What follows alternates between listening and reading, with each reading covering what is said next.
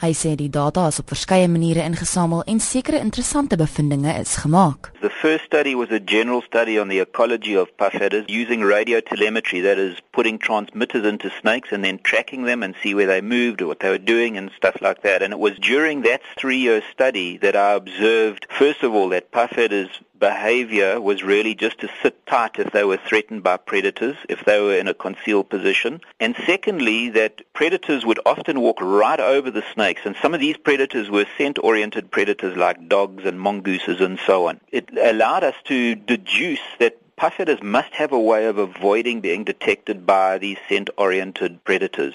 Die navorsing dui volgens Alexander op die moontlikheid dat pofadders chemiese kamouflering gebruik.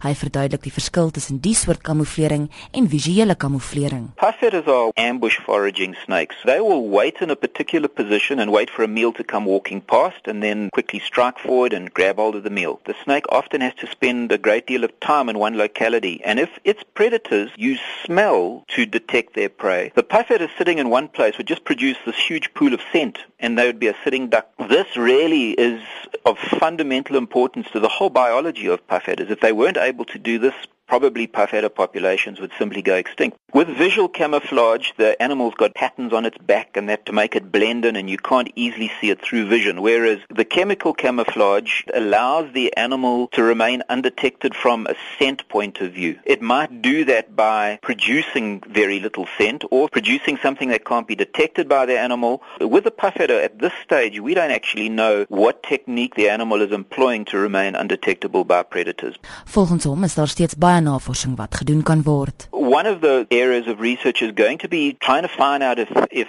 the other closely related snakes like gaboon adder, whether they too are also chemically cryptic. We'd also be trying to find out what mechanism the animal is using. So we're going to be using gas chromatography to try and figure out what molecules are being produced by the metabolizing snake, whether these are volatile and trying to identify exactly what the snake is giving off. We're also probably going to use other animals to try and detect the odor. We currently have actually started some experimental work with is with, with elephants because elephants can be trained to scent match. Effectively, we're using elephants not because elephants are predators of puff adders, obviously, because they're vegetarians, but just because they've got such a keen sense of, of smell.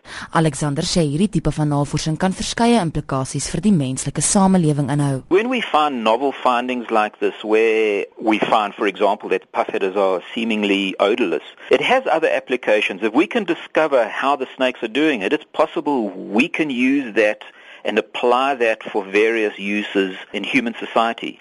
So one of the negative ways it could be used, obviously, is if it could be applied to an object, it could make it odorless. There would be implications for smuggling drugs, for example. But then it might have positive uses. For example, it might be incorporated in deodorants that can be applied to humans. So there's a whole range of possible uses that we haven't really even thought about yet. Dit was professor Graham Alexander, verbonde aan die Wit Skool vir Dier, Plant en Omgewingswetenskappe.